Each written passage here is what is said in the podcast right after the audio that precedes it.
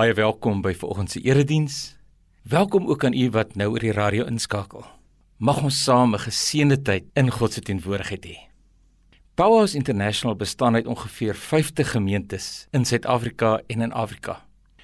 Ons fokus op suiwer woordverkondiging, God se teenwoordigheid en op die bonatuurlike werk van die Heilige Gees. Ons rus gelowiges toe om ambassadeurs vir God te wees waar ons ook al beweeg.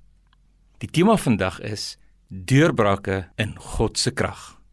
Ons skriflesing kom uit Josua hoofstuk 6 en veral verse 3 tot 6. Kom ons bid net saam. Hemelse Vader, baie dankie vir hierdie wonderlike geleentheid om saam as gelowiges voor die troon te wees.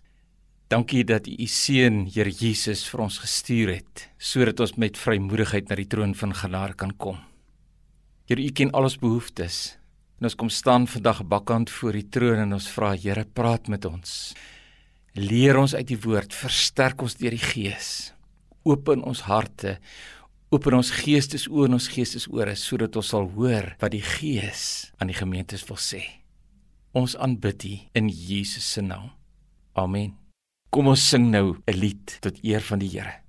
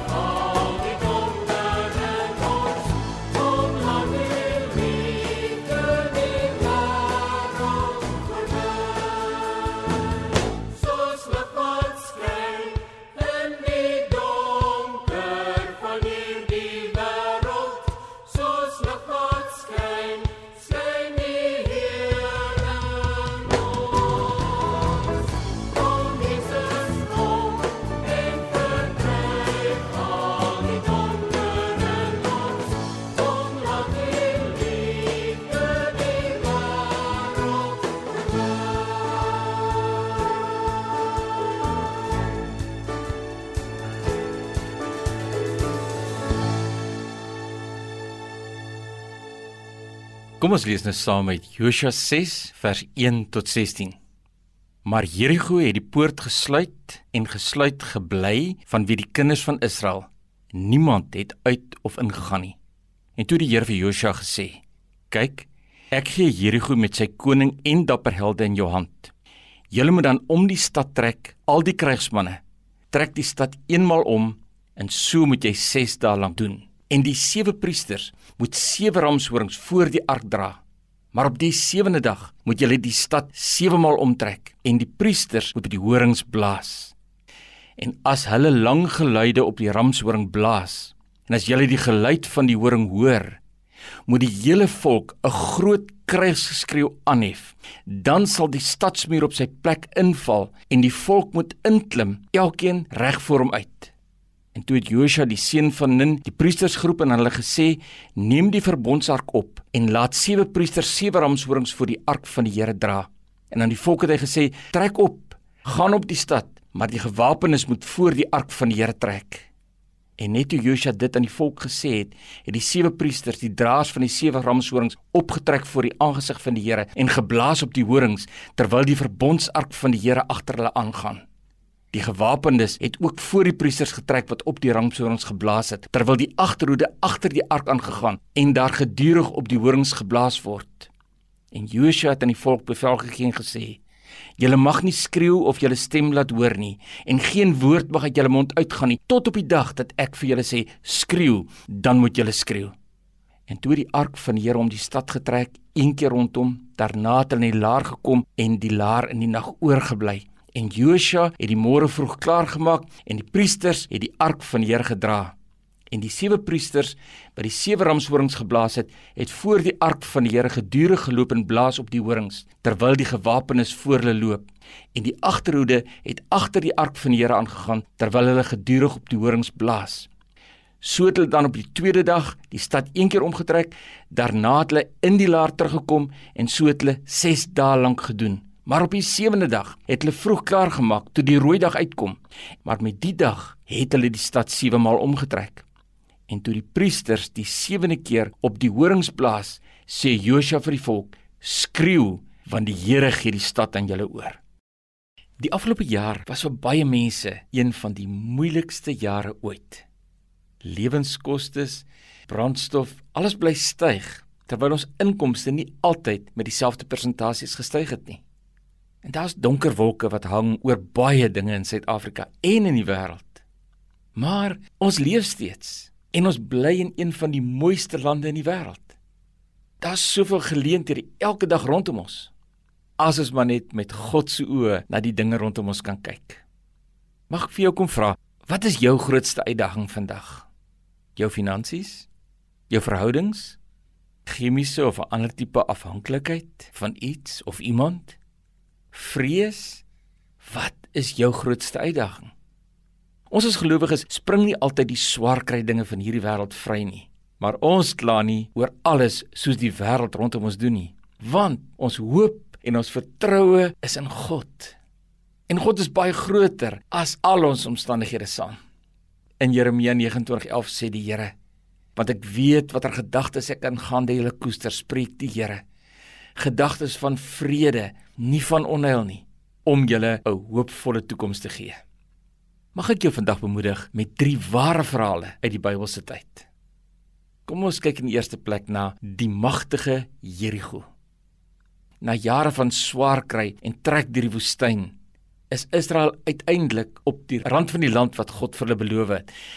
As jy daar in Jordanië op 'n heuwel staan en uitkyk oor Israel voor jou, dan sien jy in die eerste plek die pragtige Jordaanvallei hier voor jou. Ander kant die Jordaanrivier is daar die magtige stad Jerigo. En dan lê Kanaan, die land van melk en honing, oop vir die Israeliete. Hulle kon nie wag na al die jare in die woestyn om uiteindelik hulle beloofde land in te trek nie. Maar skielik is daar die Jordaanrivier en nou is hy in volle vloed en hulle moet oor. Hulle, al hulle kinders, al hulle diere, al hulle besittings, alles moet saam met hulle deur hierdie rivier gaan.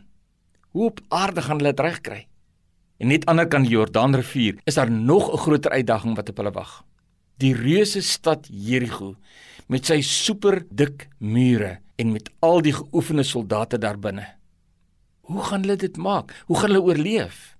Die mure is so hoog en so breed dat daar selfs huise in die muur gebou was. Weet jy, vandag nog werk dit baie keer presies dieselfde. God beloof vir ons groot dinge en ons verwag hierdie beloofde land waarin ons op pad is. Dalk vir jou is dit 'n promosie by die werk. Dit waarvoor jy so lank gewag en so hard gewerk het. Dalk is dit 'n nuwe blyplek. Dalk 'n nuwe voertuig. Of dalk is dit net hierdie dieper wandel met die Here wat jy so lank in jou lewe reeds begeer. En net sodra ons dink, nou stap ek in die beloofde land in, dan is daar skielik nuwe uitdagings, nuwe vyande waarin jy nog nooit eens gedink het nie. Soms kry jy self steenstand vanuit jou binnekring waar jy dit die minste verwag het. So wat doen 'n mens in so 'n situasie? Die voorvuur, die groot stad met sy dik mure. Jy volg presies dieselfde beginsels wat Israel gevolg het. Jy vra in die eerste plek: "Here, wat is u wil? Hoe wil u hê moet ek nou maak?" En dan wag jy. En wanneer God met jou praat, dan doen jy presies wat God sê jy moet doen. Of dit logies sin maak of nie. En belangrik, jy verwag net die beste uitkoms. Jy verwag dat God bo-natuurlik vir jou hierdie oorwinning gaan gee. Die plan wat die Here vir Josua gee, was nou nie juis 'n plan wat die generaals van daardie tyd vir hulle weermagte sou gee nie. Dit klink nie eers vandag vir ons na 'n baie logiese plan nie. Hier in Josua 3 beveel die Here dat die priesters die verbondsark met draaghoute op hulle skouers moet dra en dan sodra hulle by die water kom, dan moet hulle gaan staan met hulle voete wat in die water van die rivier is. En die volgende oomblik laat die Here die water aan die een kant soos 'n groot wal bly staan terwyl dit leegloop aan die ander kant. En nou kan die volk deur die rivier stap sonder om eers nat te word. Wat 'n groot wonderwerk. En net na die eerste deurbraak wat God bewerk, hier staan die tweede uitdaging, die magtige stad Jerigo. Here, hoe moet ons hierdie een aanpak? En hier in Josua 6 vers 3 tot 6 beveel die Here: "Julle moet dan om die stad trek. Al die krygsmanne trek eenmal om en so moet jy 6 dae lank doen." En dan Josua 6 vers 5: "En as die sewe priesters hulle lang geluide op die ramshoring blaas, as jy die geluid van die ramshoring hoor, moet die hele volk 'n groot kruisgeskreeu aanhef. Dan sal die stadsmuur op sy plek inval." en die hele volk moet inklim, elkeen reg voor hom uit. Baie interessante plan. 6 dae lank stap Israel elke keer eenmal om die stad en die sewe priesters blaas op die ramshoring. Ek wonder nogal wat het die inwoners van Jerigo gedink toe hulle dit hoor. Maar ons moet weet, hulle het reeds van Israel gehoor en dit reeds van die God van Israel gehoor.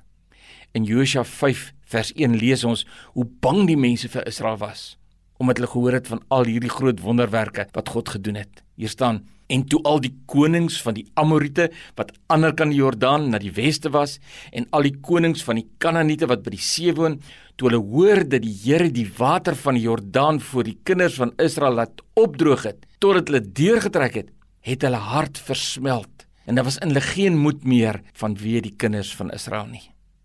En toe Israel op die sewende dag sewe maal om die stad loop, die ramshorings blaas en met 'n groot stem begin skreeu toe laat God die reuse mure van Jerigo bo-natuurlik in mekaar tuimel.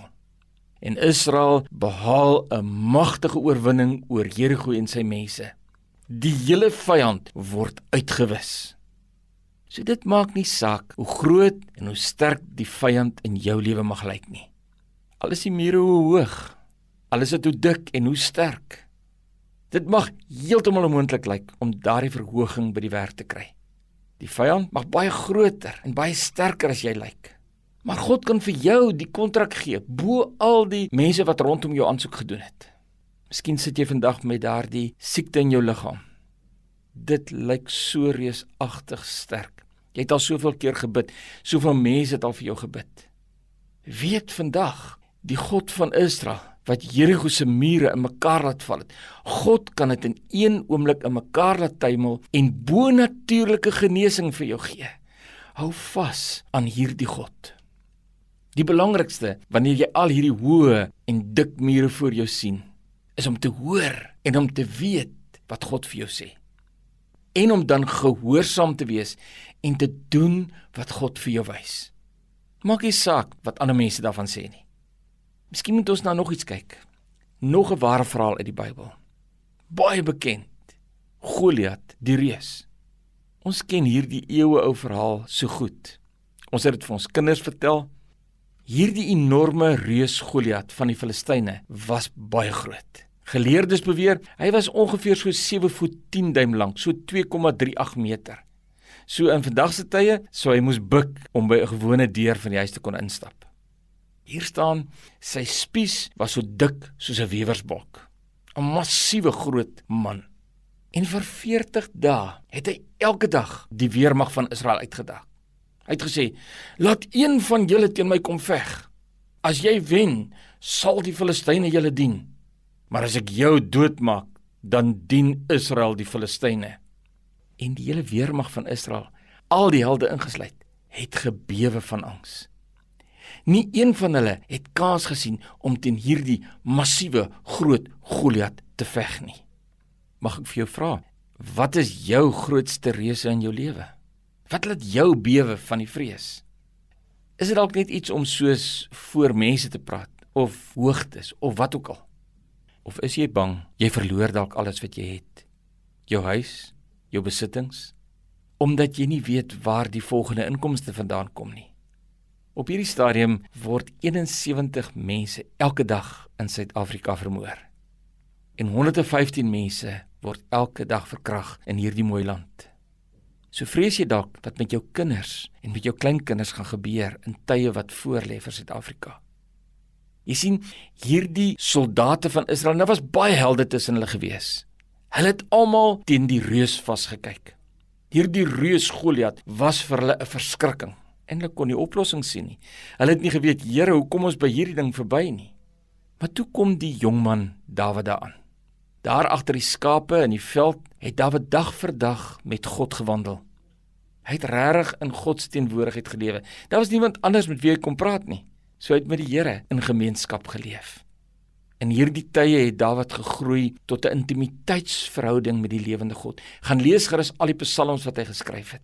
Al sy belewennisse, hoe hy sy hart voor Here uitgestort het. En Dawid het op 'n jong ouderdom al beleef hoe God hom gehelp het om 'n gevaarlike leeu en ook 'n gevaarlike beer te oorwin. En ons moet nie dink ons as gelowiges sien dinge anders as die mense rondom ons nie. Soos al die ander soldate het Dawid ook hierdie geweldige reusagtige Goliat gesien. Maar wat anders was, hy het na God wat soveel magtiger is as die reus gekyk. Sy fokus was nie op die reus nie, sy fokus was op God. En toe hy die groot voorkop van die reus sien, het hy geweet, "Mm, In God se krag kan ek hom nie misgooi nie. Ek het genoeg geoefen in die veld. En toe die jong seun Dawid nader stap, het die reus vir Dawid verag en hy het vir Dawid en vir Israel en die God van Israel vervloek. Dit het nie vir Dawid afgeskrik nie. Dit het eerder iets in Dawid wakker gemaak. En daarom het Dawid ook nie in stilte na die reus toe gekom nie.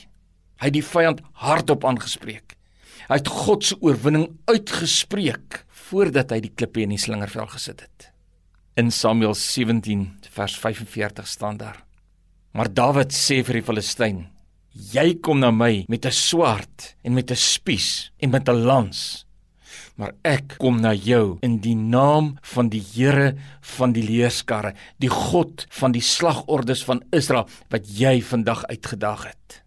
Vandag reus Goliat, sal die Here jou in my hand oorlewer, dat ek jou kan verslaan, dat ek jou hoof van jou wegneem en die lyke van die leer van die Filistyne sal vandag aan die voëls van die hemel en die wilde diere van die aarde gegee kan word sodat die hele aarde kan weet dat Israel 'n God het. En dan sal hierdie hele menigte moet erken dat die Here nie deur swaard en nie deur spies verlos nie, want die stryd behoort aan die Here en hy sal julle in ons hand gee. Hoor jy Dawid se hartklop? Hoe meer hierdie Filistyn God vervloek, die volk van God vervloek, hoe meer oortuig was Dawid God gaan vir hom die oorwinning gee. En hy het nie stil gebly nie. Hy het sy oorwinning gespreek lank voor daardie oorwinning gekom het. Is dit nie presies wat ek en jy ook met ons reëse moet doen nie? Kom ons spreek hardop God se oorwinning oor hulle uit. Spreuke sê: Dood en lewe is in die mag van jou tong. En dan veg jy teen jou reus, presies soos God die Heilige Gees vir jou wys. En ek jy moet vandag weet, dis nie omdat ons goed is, ons getrou in ons binnekamers is of omdat ons iets verdien nie. Ons is net instrumente in God se hande. Die geveg en die oorwinning behoort aan die Here. Glo jy dit? Gaan jy dit vandag nog doen met die reuse in jou lewe? Miskien staan jy en jy sê, "Maar weet jy, my reus is so groot soos 'n berg." Jy weet nie hoe groot dit is nie. Jy weet nie hoeveel jaar ek veg teen hierdie reus nie. En hierdie berg het nog nooit beweeg nie. Wanneer dit byna onmoontlik lyk om jou berg uit die pad uit te kry, Onthou net wat Jesus vir ons in Markus 11 vers 22 tot 24 geleer het. Jesus antwoord en sê vir hulle: "Julle moet geloof in God hê.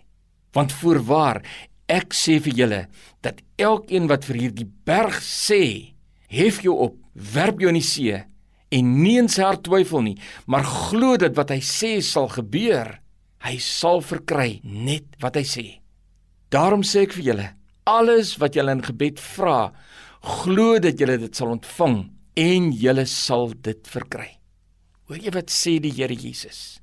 Hy sê nie dag aan die berge op ons pad kom nie. Hy sê nie dag aan die swaar kry tye kom nie. Hy sê nie dag aan die uitdagings wees nie. Hy sê praat met jou berg. Hoekom? Want God het skepingsmag in ons tong geplaas.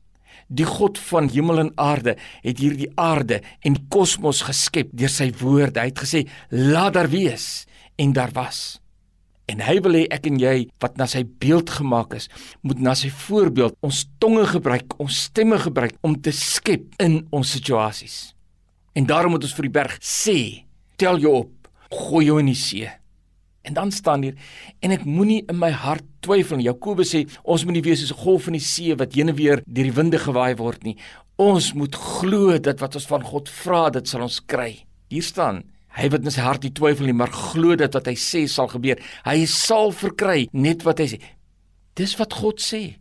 Dis God se belofte uit sy woord. Dis waarop ons kan staan. Dan staan hier 'n fenominale ding. Wanneer ek dan my berg sien en ek spreek my berg aan en ek het geloof in dit wat ek sê, dan sê die Here Jesus: "En alles wat julle in gebed vra, glo dat julle dit sal ontvang en julle sal dit kry." Dit beteken eintlik selfs voordat ek amen sê, selfs voordat ek klaar gepraat het, kan ek maar klaar vir die Here sê, dankie Here, ek het gespreek teen my berg, my berg sal weggeneem word. Ek ontvang dit van U in hierdie dag in die naam van Jesus Christus. Dis ja en dis amen. Miskien dink jy, weet jy ek doen nogal al hierdie dinge. Ek vra na God se wil en ek doen wat God sê. Wanneer ek hoor in my swakheid dan doen ek. Miskien sê jy, Ek stap om my stad se dik mure. Ek vertrou God in hierdie proses. Ek blaas selfs die ramshoring. En as God sê skreeu op die sewende dag, dan sal ek skreeu want ek hou aan God vas. Jy leef in biddende afhanklikheid van God al vir soveel jare. Maar sover staan die vyand nog. Sover het die mure nog nie eens begin kraak nie en die vyand loer vir jou oor hierdie mure. Miskien sê jy, ek luister ook na wat God oor my reuse sê. Ek het vandag weer gehoor. En as God vir my sê, staan op, almal is bang, almal bewe, maar hy sê vir my ek moet die slingervel vat en vyf klippies al het die reus 'n skild, 'n spies en 'n lans. Dan doen ek wat God sê. Ek spreek ook my reuse aan. Ek sê vandag weer 'n keer vir my reuse, God gaan julle oorwin. Maar my reuse staan nog. Wat doen ek? Miskien moet ek eers vir jou sê, ek het hierdie jaar dieselfde tipe dinge beleef. Jy kan maar glo. Daar was baie keer tye wat ons gewonder het, Here, hoe gaan ons dit maak hierdeur? Hoe kom ons aan die ander kant uit? En as jy met gelowiges dwars oor Suid-Afrika praat, dan gaan hulle vir jou sê, "Dit het nie makliker geword nie." Met al die kragonderbrekings is daar baie besighede wat geduik het. Daar's nog altyd besighede wat toemaak. En werkskepping is nie genoeg om brood op die tafel te sit vir almal in hierdie land nie. Maar moeilike omstandighede mag nie maak dat ek en jy moet opgee nie. Kom ons glo vandag dit wat God in sy woord sê. In Jesaja 43 vers 18 sê die Here: "Kyk, ek gaan 'n nuwe ding doen," spreek die Here. Jy kan dit al sien aankom. Moenie op die ou dinge fokus, die dinge wat verby is nie. Ek wil vandag vir jou vra: Is jy nie bereid om saam met my op die water te begin loop nie? Ek en jy kan moed skep wanneer ons God se woord lees. Ek en jy kan staan op die beloftes van God se woord. Maak nie saak wat die omstandighede in hierdie land, maak nie saak wat die wêreld sê, maak nie saak wat die vyand sê nie.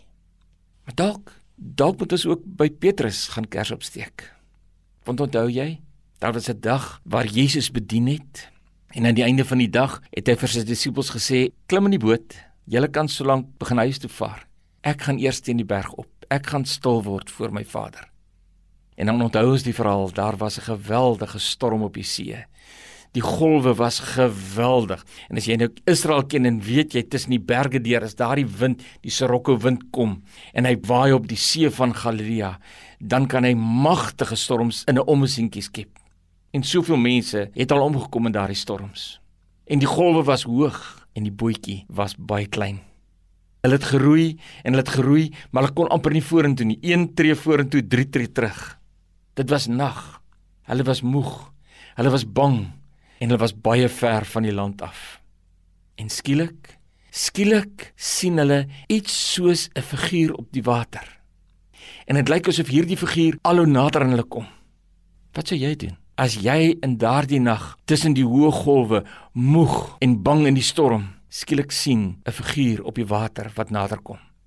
Matteus 14 vers 26 sê: En toe die disippels hom sien loop op die see, word hulle ontstel en sê: "Dis 'n spook." En hulle het geskreeu van die vrees. Maar Jesus het dadelik met hulle gespreek en gesê: "Hou goeie moed. Dit is ek." In die Griek staan daar ego eimi. Dis die woord wat God gebruik om te sê ek is. Moenie vrees nie. En Petrus antwoord hom: en sê: Here, as dit U is, beveel my om op die water na U toe te kom. En Jesus sê: Kom. Petrus klim toe van die skuit af en loop op die water om na Jesus te gaan. Maar toe hy die sterk wind sien, het hy bang geword.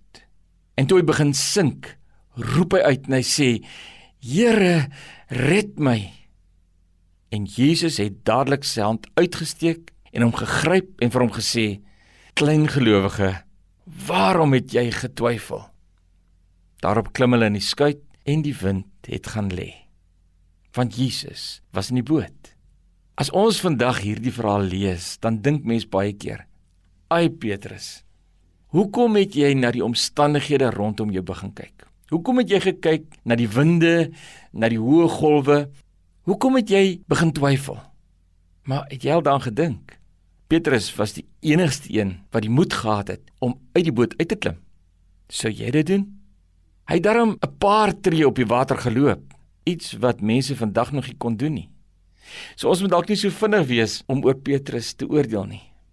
Ek dink iemand het dit baie waar gesê toe hy gesê het eerder 'n nat waterloper as 'n droë bootsitter. En dalk is dit wat God ons op 'n manier in die eindtyd wil kom leer om regtig op die water te begin loop. Om God voluit te vertrou in die moeilikste en die haglikste omstandighede.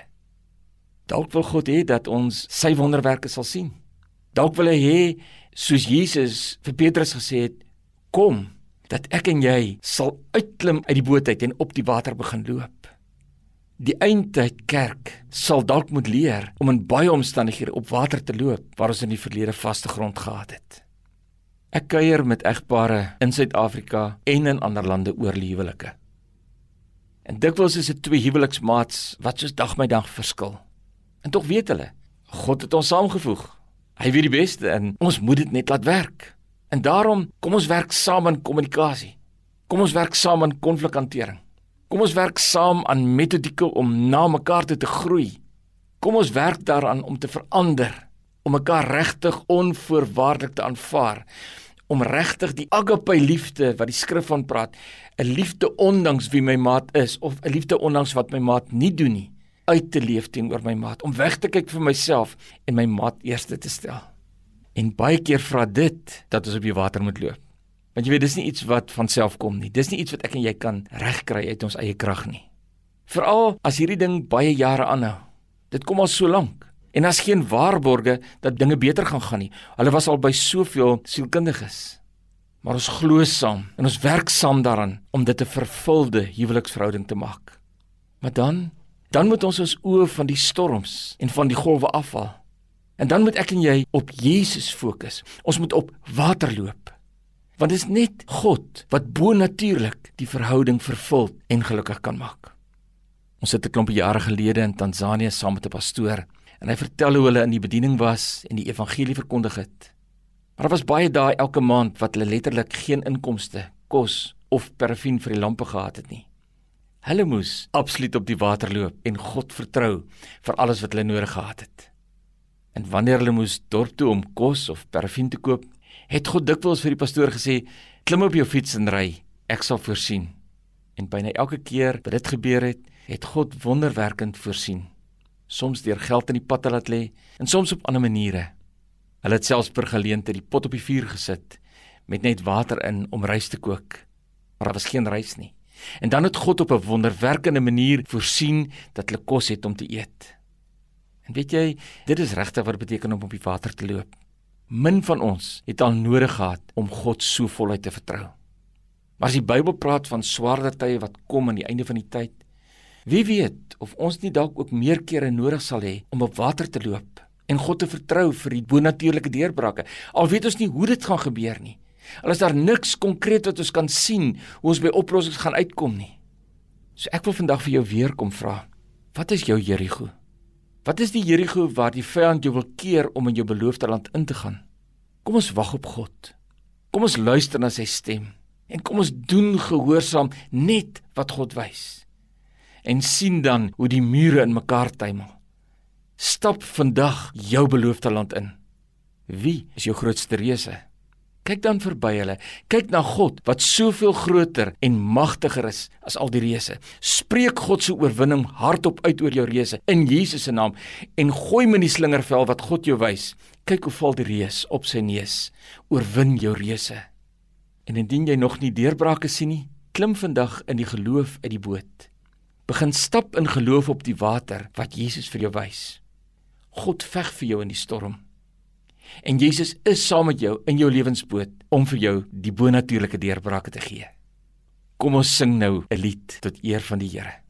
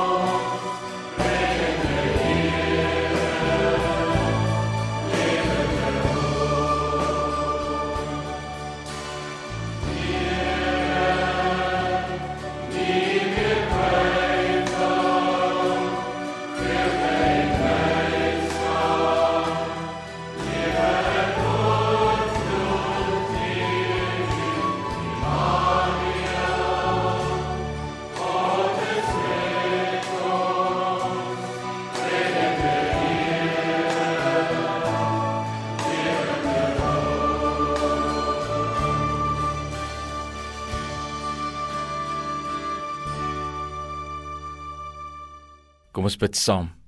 Here baie dankie vir u woord. Dankie dat u vir ons moed gee om te staan in die swaar kry tye van vandag. Dankie dat ons die God aanbid vir wie die onmoontlike moontlik is. En dankie dat u vir ons die deurbrake, bonatuurlike deurbrake gee.